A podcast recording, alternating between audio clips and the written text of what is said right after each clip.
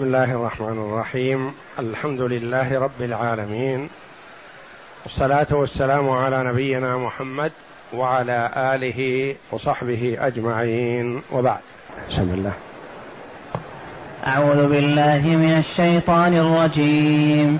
بسم الله الرحمن الرحيم. وما لكم لا تقاتلون في سبيل الله والمستضعفين من الرجال والنساء والولدان الذين يقولون ربنا الذين يقولون ربنا اخرجنا من هذه القريه الظالم اهلها واجعل لنا من لدنك وليا واجعل لنا من لدنك نصيرا الذين آمنوا يقاتلون في سبيل الله والذين كفروا يقاتلون في سبيل الطاغوت فقاتلوا أولياء الشيطان إن كيد الشيطان كان ضعيفا. هاتان الآيتان من سورة النساء جاءتا بعد قوله جل وعلا فليقاتل في سبيل الله الذين يشرون الحياة الدنيا بالآخرة. ومن يقاتل في سبيل الله فيقتل أو يغلب فسوف نؤتيه أجرا عظيما. وما لكم لا تقاتلون في سبيل الله والمستضعفين. الآيتين. هذا خطاب من الله جل وعلا لعباده المؤمنين الراغبين في ثوابه العظيم. وما لكم؟ ما الذي يمنعكم؟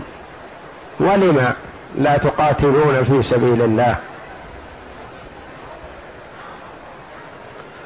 يقول المفسرون رحمهم الله على سبيل الالتفات. إيش معنى على سبيل الالتفات؟ يعني الأول الآية الأولى التي قبل هذه يقول فليقاتل في سبيل الله الذين يشرون الحياة الدنيا بالآخرة على سبيل الغيبة. وهنا على سبيل الخطاب فالتفت من الغيبة إلى المخاطبة أدعى للقبول والاستماع والاستجابة. وما لكم لا تقاتلون في سبيل الله. ما دام أن من قاتل في سبيل الله فله الفوز العظيم وله الأجر العظيم. على أي حالة كان؟ قتل أو عاد سالما. سينال الفوز العظيم والثواب الجزيل من الله جل وعلا. فما لكم لا تقاتلون. ما لكم لا تقاتلون وما لكم لا تقاتلون في سبيل الله والمستضعفين. والمستضعفين للمفسرين رحمهم الله فيها أقوال في عطفها. قيل معطوفة على الاسم الكريم.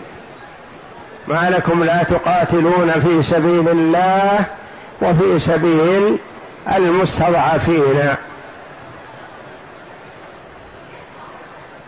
وقيل معطوفة على سبيل.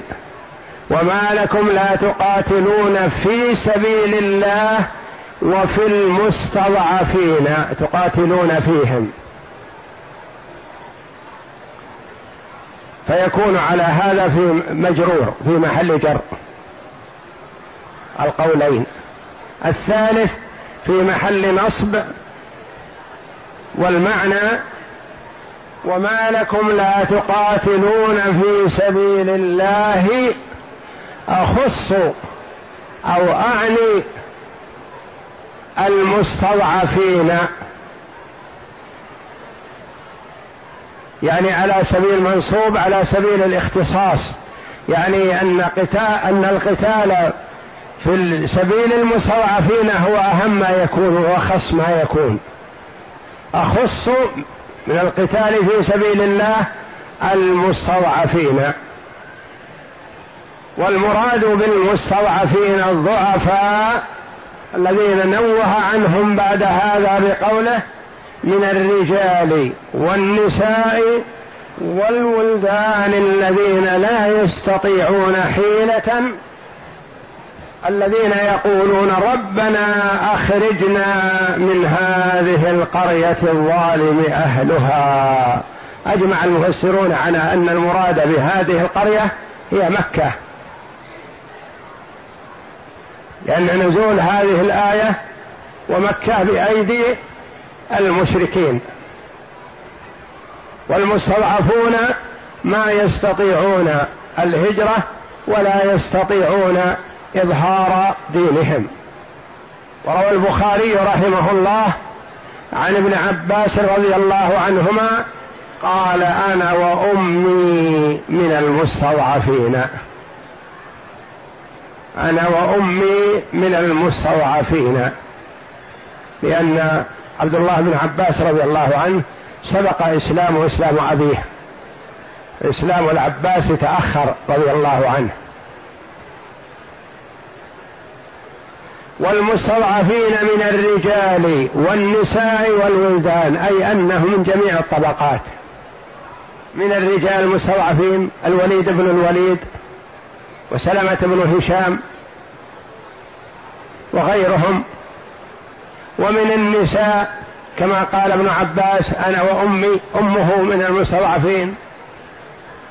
والولدان ابن عباس رضي الله عنهما كان أسلم صغيرا وأبوه لم يسلم بعد. الذين يقولون ربنا يعني هؤلاء ينبغي أن تهتموا بهم وأن تقاتلوا في سبيلهم. وأن تنقذوهم من أيدي المشركين ولا تتوانوا في الجهاد في سبيل الله ولا في استنقاذ هؤلاء ونصرهم.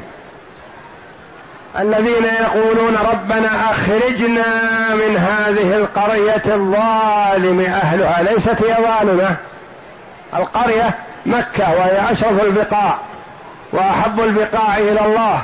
وأحب البقاع إلى رسول الله صلى الله عليه وسلم كما قال صلى الله عليه وسلم يوم هاجر من مكة إلى المدينة لما أراد التوجه إلى مكة توجه إلى مكة ناظرا إليها وقال والله إنك لأحب البقاع إلى الله وأحب البقاع إلي ولولا أني أخرجت منك ما خرجت. ولقوة إيمانهم ورغبتهم في اللحاق برسول الله صلى الله عليه وسلم يتمنون الخروج من أفضل البقاع ومن أحب البقاع إليهم لكن فرارا بدينهم. ربنا أخرجنا من هذه القرية الظالم أهلها فالظلم ليس منسوبا للقرية وإنما هو منسوب لأهلها. وهذا الظلم هو أعظمه الشرك بالله.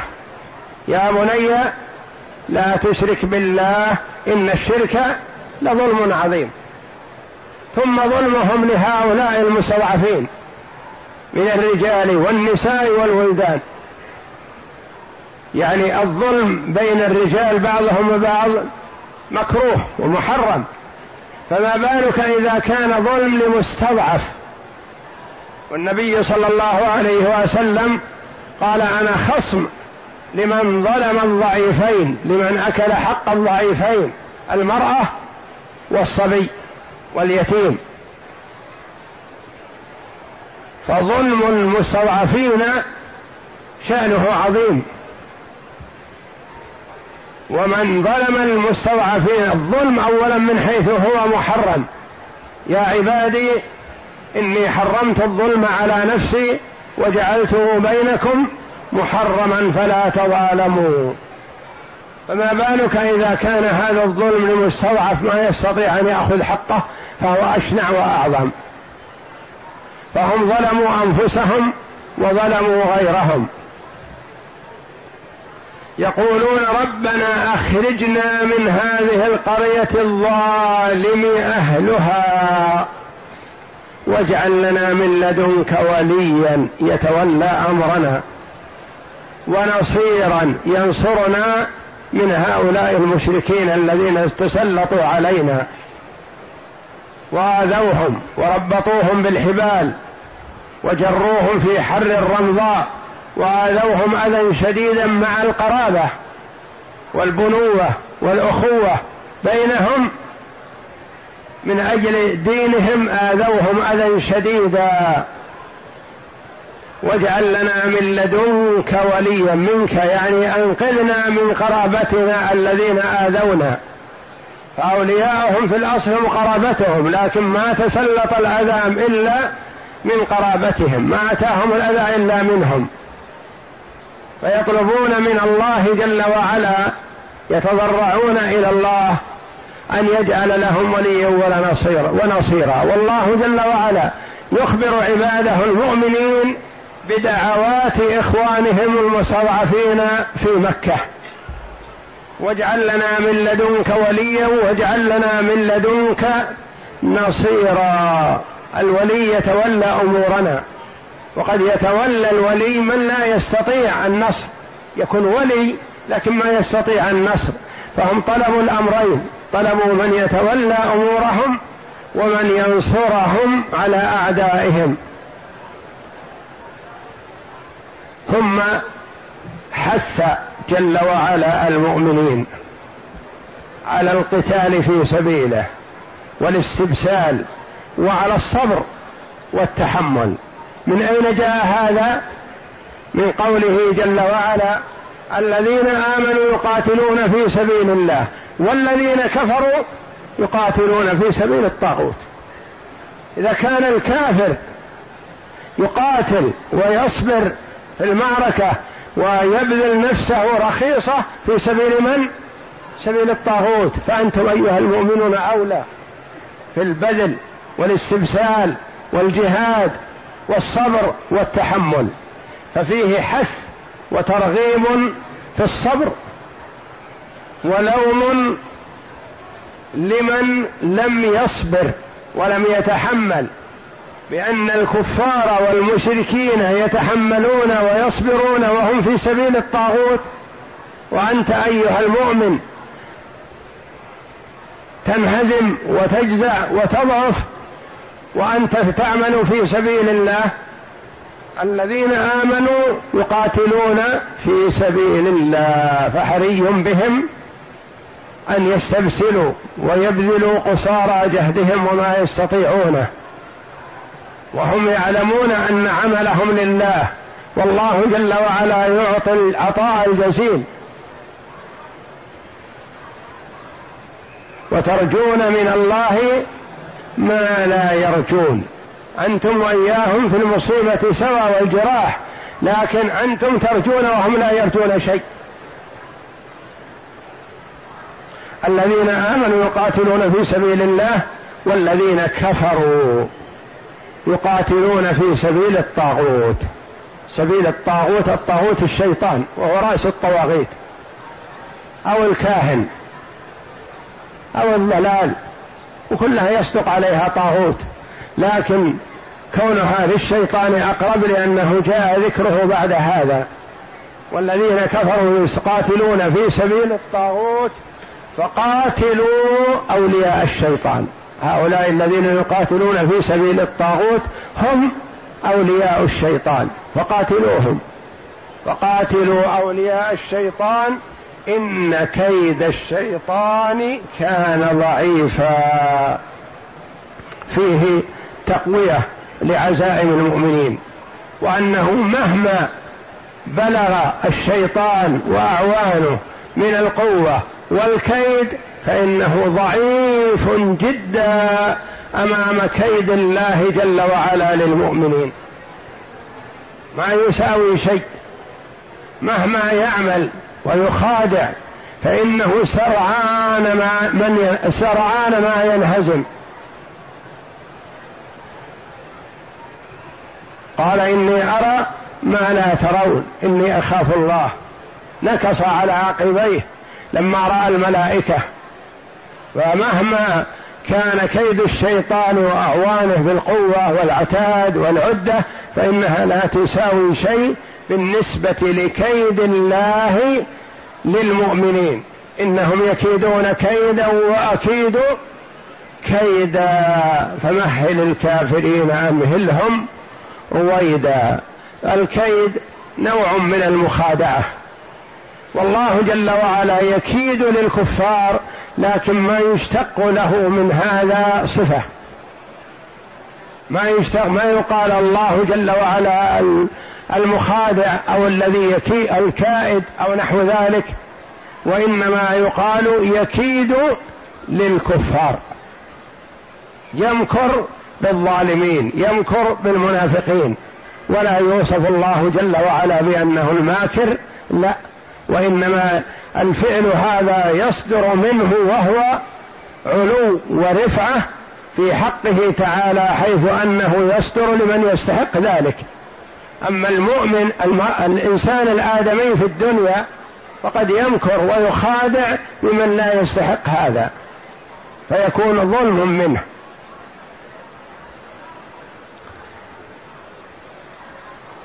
والذين كفروا يقاتلون في سبيل الطاغوت يعني لإرضاء الطاغوت وفي مناصرة الطاغوت.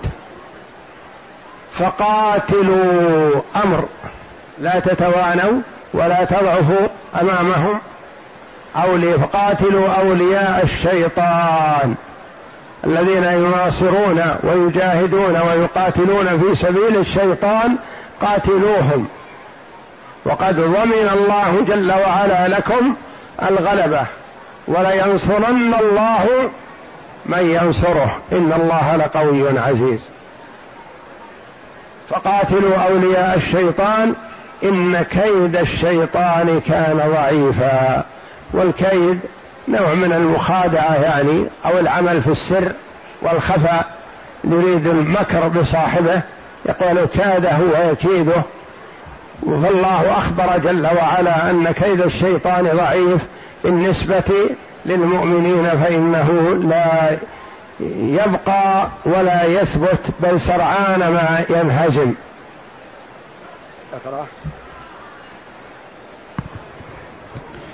يحرض تعالى عباده المؤمنين على الجهاد في سبيله وعلى السعي في استنقاذ المستضعفين بمكة من الرجال والنساء والصبيان المتبرمين من المقام بها. ولهذا قال تعالى الذين يقولون ربنا أخرجنا من هذه القرية يعني مكة كقوله تعالى وكأي من قرية هي أشد قوة من قريتك التي أخرجتك ثم وصفها تعالى بقوله الظالم أهلها واجعل لنا من لدنك وليا واجعل القرية من التقري وهو الإقامة فيها وليس على حسب الاصطلاح الحالي أن القرية البلد الصغيرة والمدينة البلد الكبيرة بل يطلق على البلد مهما كبرت يقال لها قرية.